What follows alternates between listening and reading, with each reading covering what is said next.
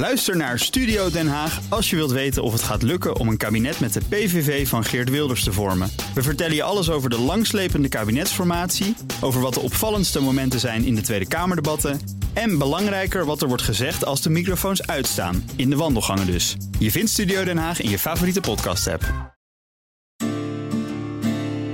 Goedemorgen, dit is de Week van Energie op vrijdag 14 juli en alweer onze laatste aflevering voor de zomervakantie. Ik ben Ilse Akkermans en bij mij in de studio is Hans van der Lucht, redacteur van Energia. Welkom Hans. Goedemorgen. We hebben het deze week over waterstof en over Den Helder. Dat het energieknooppunt wil worden in de toekomstige waterstofeconomie van Nederland. De stad heeft er zinnen gezet op het transport van waterstof van de Noordzee naar land. Hans was bij twee bijeenkomsten over de toekomstplannen met groene waterstof en vertelt zometeen wat er voor nodig is voordat een waterstofeconomie van de grond komt. Maar eerst kijk ik weer met hoofdredacteur Wouter Hielkema naar ander nieuws van deze week. En ook Wouter is weer bij ons in de studio. Goedemorgen Wouter. Goedemorgen Ilse. Welke onderwerpen sprongen er voor jou uit in het energienieuws van deze week? Dat de snelle groei van het aantal zonnepanelen op woningen steeds vaker voor spanningsproblemen zorgt op het laagspanningsnet. Daardoor kunnen huishoudens niet altijd meer zelf opgewekte stroom terugleveren aan het elektriciteitsnet. En natuurlijk de val van het kabinet. Die vertraagt de energietransitie en brengt het halen van de klimaatdoelen in gevaar. Dat stellen industrie, energiebedrijven, natuur- en milieuorganisaties, lokale en regionale overheden en netbeheerders in een gezamenlijke verklaring. Ja, de val van het kabinet overheerste weinig verrassend in het nieuws van deze week. Laten we daar dan ook mee beginnen. Wouter, de partijen die je noemde, die kwamen al snel met een gezamenlijke verklaring op de website van de Nederlandse Vereniging voor Duurzame Energie. En daarin uiten ze hun zorgen over de voortgang van de energietransitie en het halen van de klimaatdoelen. Wat zeggen ze precies? Nou, um, eigenlijk komt het erop neer dat iedereen het erover eens is: er mag geen stilstand komen. De, het, kabinet is gevallen. Er ontstaat, komt weer een, nieuwe verkiezingscampagne. Uh, gevolgd door uh, wellicht weer een hele lange formatie. En deze partijen zijn, uh, zijn heel erg bang dat als nou ja, gedurende deze periode, die, die wel een jaar of misschien nog wel langer kan duren, er geen nieuw beleid meer wordt ontwikkeld en er geen voortgang is op de bestaande dossiers, ja, dat, dat alles tot stilstand komt. En dat, nou ja, je zei het net ook al, hè, dat de klimaatdoelen niet gehaald gaan worden. Hm. We spraken bijvoorbeeld met Olaf van der Gaag uh, van de NVDE, die uh, een beetje penvoerder is van deze coalitie. En die zei van ja, het kabinet is wel gevallen, maar de Tweede Kamer, die is niet demissionair. En die kan de schade enigszins beperken door nou ja, voortvarend door te gaan op de dossiers die, die belangrijk zijn. Want als er een jaar stilstand komt, dan, dan nou ja, bijvoorbeeld een, eh, heel concreet doel wat dan uh, waarschijnlijk niet gehaald gaat worden. Dat is die 55% CO2-reductie in 2030. Mm. Laat staan dat 60% uh, gaat lukken, waar nu uh, op, op aangestuurd wordt. Ja, half september besluit de Tweede Kamer welke dossiers controversieel worden verklaard. Dus onderwerpen die zo politiek gevoelig liggen dat ze niet op de agenda komen totdat er een nieuw kabinet is. Welke onderwerpen moeten wat betreft die brede groep van organisaties sowieso doorgaan? Ja, dat, dat zijn er verschillende. Uh, eentje die veel genoemd wordt is de Energiewet. Uh, daar is uh, recent het wetsvoorstel naar de Tweede Kamer gestuurd. Daar wordt heel veel in geregeld wat belangrijk is voor toekomstig energiebeleid. En daarvan zeggen ze, ga daarmee door. Mhm. De warmtewet is ook zo eentje. Financiering van de netbeheerders, heel belangrijk. Netbeheerders moeten natuurlijk heel veel doen om te zorgen dat de energietransitie voort kan. Infrastructuur is daar een belangrijk onderdeel van. Uh, financiering van netbeheerders is een belangrijk issue. Het Rijk zou willen instappen als, uh, als aandeelhouder. Nou, dat, dat moet ook allemaal doorgaan. Anders gaat het gewoon te langzaam. De industrie die vreest ook uh, voortgang op, op infrastructuur. Is natuurlijk ook een belangrijke enabler voor de industrie om te verduurzamen. Waterstof, hè, NL Hydrogen was een van de, van de organisaties die bij, bij deze coalitie zich aansloot daar moet voortgang op komen. Energie Nederland wil dat het, uh, nou ja, dezelfde punt eigenlijk, uh, dat het doorgaat. Netbeheer Nederland, ook een belangrijke namens de uh, netbeheerders. Hans-Peter Oskam, directeur Energietransitie en Beleid bij Netbeheer Nederland, die, die zei eigenlijk van, ja, ik ben somber over het realiseren van de klimaatambities als de besluitvorming en de wetgeving daarvoor wordt uitgesteld. Dus ja, het, het een hele brede coalitie die hierom vraagt en het belang, dat onderstreept ook wel het belang hiervan. Ja, het beleid dat voortkomt uit Europese richtlijnen gaat in elk geval door. En dat geldt ook voor uh, na het reces dan voor het werk van de Eerste Kamer. Wat valt hier bijvoorbeeld onder? Ja, dat is wel een uh, mooie bijkomstigheid. Hè. De EU die houdt uh, in zijn deadlines wanneer regelgeving geïmplementeerd moet zijn, houdt geen rekening met de val van kabinetten. Hmm. Dus dat gaat gewoon door. Het is gewoon een Europese afspraak dat in 2030 de CO2-reductie 55% is. Dus daar moet Nederland aan voldoen. Dus daar moet op een, op een of andere manier moet daar toch een weg naartoe worden gevonden. Hm. Maar ja, het, het lastige is dat heel veel aan lidstaten wordt overgehouden, hoe je daar dan komt. En dat is dan toch weer nationaal beleid. Dus die 55% die is verankerd in de klimaatwet en die is aangenomen. Dus, dus daar moet heen genavigeerd worden. Maar de manier waarop gebeurt vaak nationaal. En we spraken met René Leegte van Publieke Zaken. Het is een uh, informatiebureau over uh, nou ja, alle informatie die vanuit de overheid uh, over de energie en de energietransitie en klimaat gedaan wordt. Mm. Ja, en die zei ook van ja, nationaal beleid bovenop Europees beleid, dat, dat wordt lastig om dat verder te gaan realiseren. Dus ja, waar die scheidslijn precies komt te liggen, dat is, dat is belangrijk.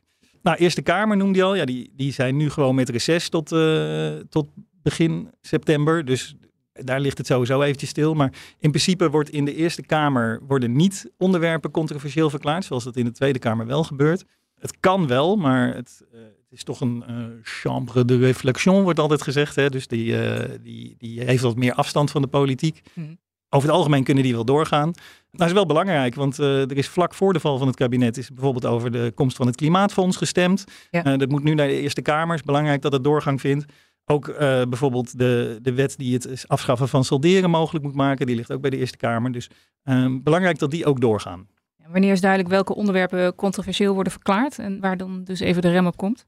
Ja, dat wordt na de zomer, of na de zomervakantie moet ik zeggen in elk geval. De Kamercommissie voor EZK, voor Economische Zaken en Klimaat, die komt uh, in de week na het reces, begin september, komt die samen om met elkaar te beslissen welke onderwerpen ze controversieel willen verklaren en welke niet. Mm -hmm. En vervolgens wordt de week daarna, op 12 september, wordt daar plenair over gestemd.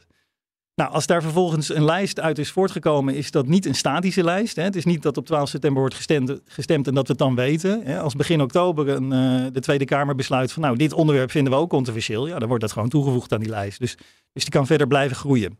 Wat ook leuk is om te zien, we gaan nu naar de verkiezingen toe. En, uh, en daar worden nieuwe mensen worden naar voren geschoven om uh, partijen te gaan leiden. En het is heel leuk om te zien dat er allemaal energiewoordvoerders bij zitten. VVD was natuurlijk afgelopen week. Daar is uh, Dylan Jezielkus Gerius is de waarschijnlijke partijleider. He, zij is oud-staatssecretaris voor Klimaat en was namens de VVD ook energiewoordvoerder in de Tweede Kamer. Haar uitdager bij de VVD is André Bosman, huidig directeur van Uniper Benelux. en ook oud-energiewoordvoerder namens de VVD. Ja bij het CDA, waar Hoekstra opstapt, wordt ook gekeken naar uh, bijvoorbeeld Henry Bontebal als uh, mogelijke uh, nieuwe partijleider. Is zeker nog geen gelopen race, maar hij wordt genoemd, zoals ja. het dan zo mooi heet.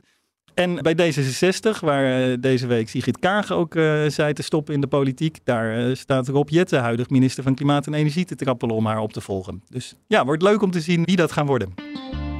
Dan gaan we naar je volgende onderwerp. De snelle groei van het aantal zonnepanelen op woningen zorgt steeds vaker voor spanningsproblemen op het laagspanningsnet.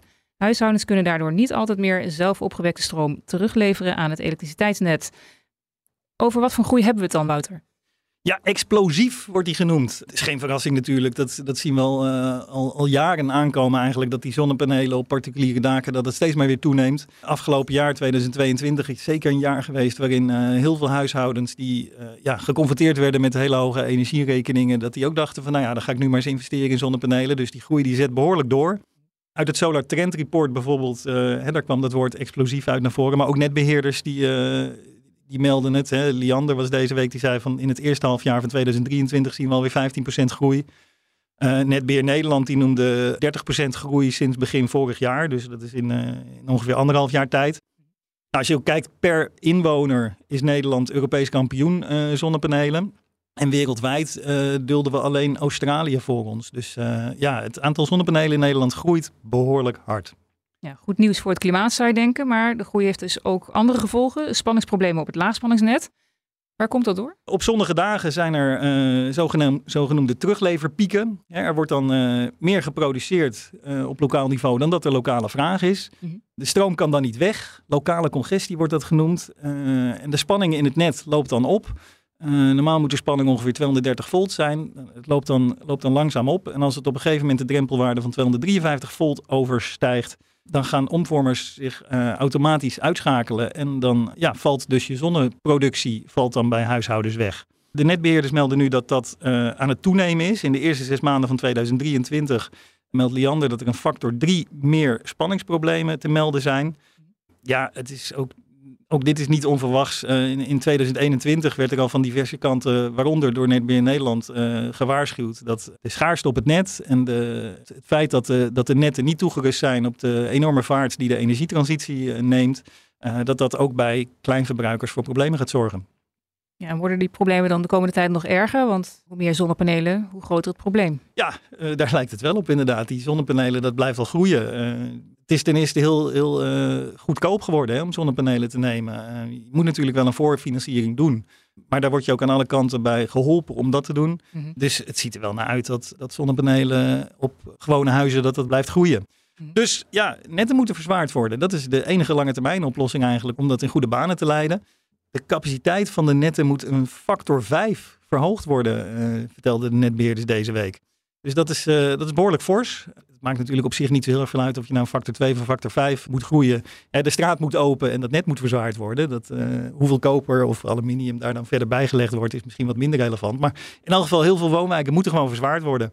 Ja, en tot die tijd wordt er toch opgeroepen van ja, zorg dat je productie en je verbruik samenvallen. Dus op zonnige dagen de wasjes gaan doen. En dat leidt automatisch natuurlijk weer tot de oproep om salderen af te schaffen. Want salderen, uh, het feit dat je je in de zomer opgewekte zonnestroom mag verrekenen met, de, met je verbruik in de winter. Ja, dat maakt niet dat je gelijktijdigheid belangrijk gaat vinden. Hè? Dan, uh, daar, daar word je niet toe gestimuleerd. Dus ja, die oproep komt er weer. Nog wel belangrijk om even te zeggen, er was donderdag kwam de ACM ook met een uh, rapport over de spanningskwaliteit in Nederland en buiten. En over het geheel genomen is de spanningskwaliteit in Nederland gewoon goed op orde. Uh, er is wel aandacht voor de laagspanningsnetten, zegt de ACM ook. Maar we uh, moeten ook weer niet doen alsof er een panieksituatie aan de hand is of zo. Dat is zeker niet het geval.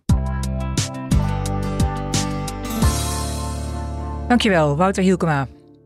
Den Helder wil het energieknooppunt worden in de toekomstige waterstofeconomie van Nederland. De stad heeft haar zinnen gezet op het transport van waterstof van de Noordzee naar land. Hierover en over wat er voor nodig is voordat een waterstofeconomie van de grond komt, praat ik met redacteur Hans van der Lucht. Hans, jij was bij twee bijeenkomsten over de toekomstplannen met groene waterstof. Welke bijeenkomsten waren dat en hoe ging het daaraan toe? Ja, het was allereerst een bijeenkomst in Den Helder. Waar eh, werd gevierd dat Noord-Holland nu de officiële status heeft van Hydrogen Valley. Dat was iemand van de Europese Commissie die een prachtig plakkaat uitdeelde. Uh, volgens de provincie betekent dat uh, dat de regio betere toegang heeft tot kennis, betere toegang tot financiering vanuit Europa. Dus om de waterstofeconomie te ontwikkelen. Den Helder wil inderdaad een knooppunt worden in die waterstofeconomie.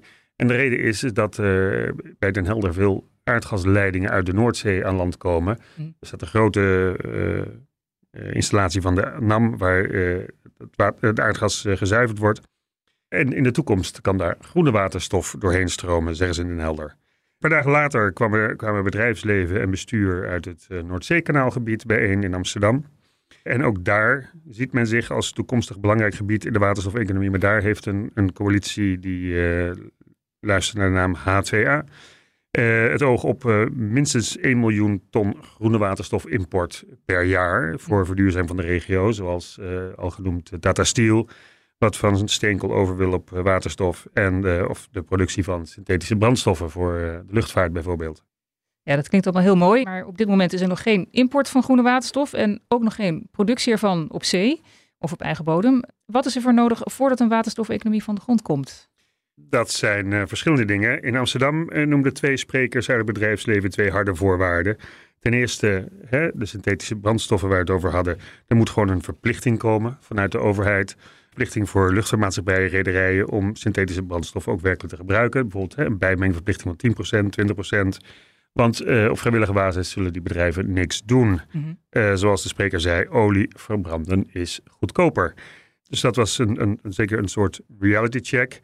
Even voor de zekerheid, synthetische brandstoffen, die dus de eh, fossiele kerosine zouden moeten vervangen, die worden gemaakt door in een chemisch proces waterstof en koolstof samen te voegen tot een koolwaterstof, zoals uh, aardgas en, en olie uh, koolwaterstoffen zijn. Ja. En dat uit de grond pompen daarvan is niet helemaal goedkoper dan dat chemische proces. Mm. En dan de tweede voorwaarde die genoemd werd door iemand van de KLM.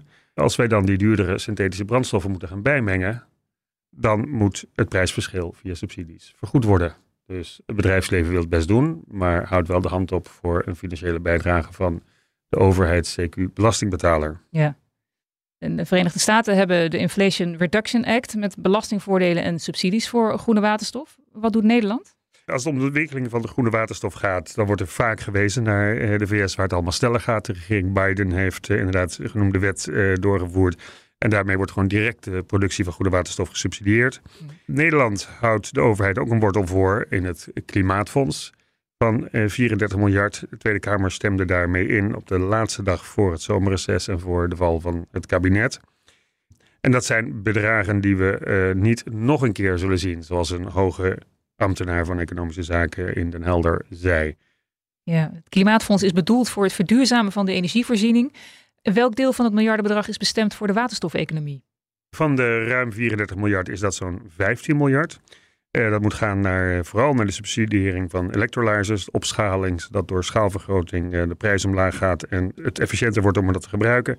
Maar ook de ombouw van gascentrales, van aardgas naar waterstof, zodat in de toekomst waterstofcentrales als achtervang kunnen dienen voor het elektriciteitsnet. En ook sowieso de waterstof backbone, dat wil zeggen een leidingennetwerk voor waterstof, om alle industriegebieden in Nederland en ook het Roergebied en de Antwerpse haven met elkaar te verbinden. Ja, Den Helder heeft er zinnen gezet dus op het transport van waterstof van de Noordzee naar land. Waarom maakt hij stad die keuze? Als gezegd, er komen bij Den Helder al, uh, nu al aardgasleidingen aan land. Het is het belangrijkste aanlandingspunt in Nederland voor die aardgasleidingen. Er komt nergens zoveel aardgas uh, het land binnen als, als daar, vanuit zee. De overheid wil dat het bedrijfsleven ook op zee waterstof gaat produceren. Daar zijn uh, projecten voor in de maak. Vooral ook omdat dan het elektriciteitsnet niet overbelast wordt. Het veel goedkoper is om het als waterstof naar land te transporteren dan uh, als elektriciteit door kabels. Mm -hmm. uh, en ook dus het elektriciteitsnet op land niet zo wordt overbelast. Uh, hè, terwijl het nu al tegen de grens aanloopt van wat mogelijk is. Ja. Door die aardgasleidingen kan dus ook waterstof stromen. Twee belangrijke leidingen op de Noordzee zijn er al zelfs voor gecertificeerd. Dus zegt de wethouder energietransitie Laat die waterstof daardoor maar heen stromen. Dat is natuurlijk goed voor zijn regio, voor werkgelegenheid, bedrijvigheid. En dat kan Den Helder goed gebruiken. De Gasunie onderzoekt momenteel hoe het waterstofnetwerk op zee eruit moet komen te zien. De waterstofbackbone op land, daar zijn al uh, blauwdrukken voor. GasUnie zegt nu vooralsnog niet wat de mogelijkheden zijn en welke opties beter zijn. Dat moet het kabinet beslissen. Maar en, uh, de eerder aangehaalde topambtenaar van EZ op uh, de conferentie in Den Helder, die zei al, de regio maakt een goede kans. Hè, ook op land 80% van uh, de toekomstige waterstofbackbone. En daar worden bestaande leidingen voor gebruikt. dus dat kan op zee net zo goed. Ja. Ja, windenergie op zee groeit sterk. Een deel van de stroom op zee moet dus worden omgezet in waterstof. Hoe staat het daarmee?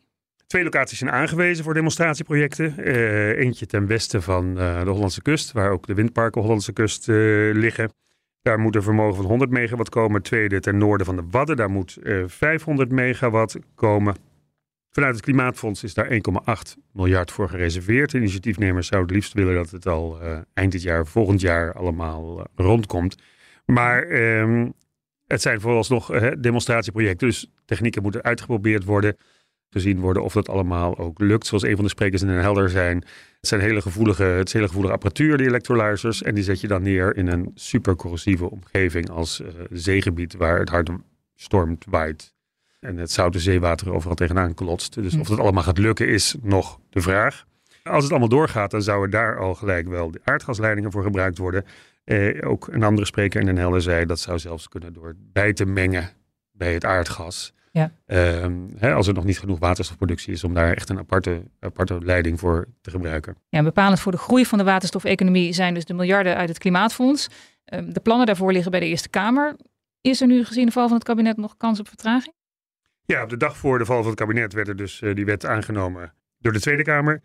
Is vervolgens naar de Eerste Kamer gegaan. Uh, op de agenda van de Eerste Kamer is al te lezen dat uh, vragen van fracties over deze tijdelijke wet ingediend moeten worden voor 12 september. Dus het lijkt erop dat de behandeling gewoon door zal gaan. De Eerste Kamer kan natuurlijk ook gewoon doorgaan, zoals Wouter al in het begin van de uitzending zei. Dus in dat opzicht lijkt het, lijken alle lichten op groen te staan voor het Klimaatfonds. Dankjewel, Hans van der Lucht. En luisteraar, voordat je weggaat, op onze website vind je onder energia.nl slash podcastonderzoek een korte vragenlijst over wat je van de podcast van Energia vindt. Dat willen we namelijk heel graag weten. Je kunt er een bol.com cadeaukaart meer winnen van 50 euro, dus doe vooral mee. Dit was de Week van Energia met de laatste ontwikkelingen in de Nederlandse energiesector. En onze laatste aflevering alweer voor de zomervakantie. We zijn op 8 september weer terug met een nieuwe aflevering. Mijn naam is Ilse Akkermans. Fijn dat je luisterde en tot dan.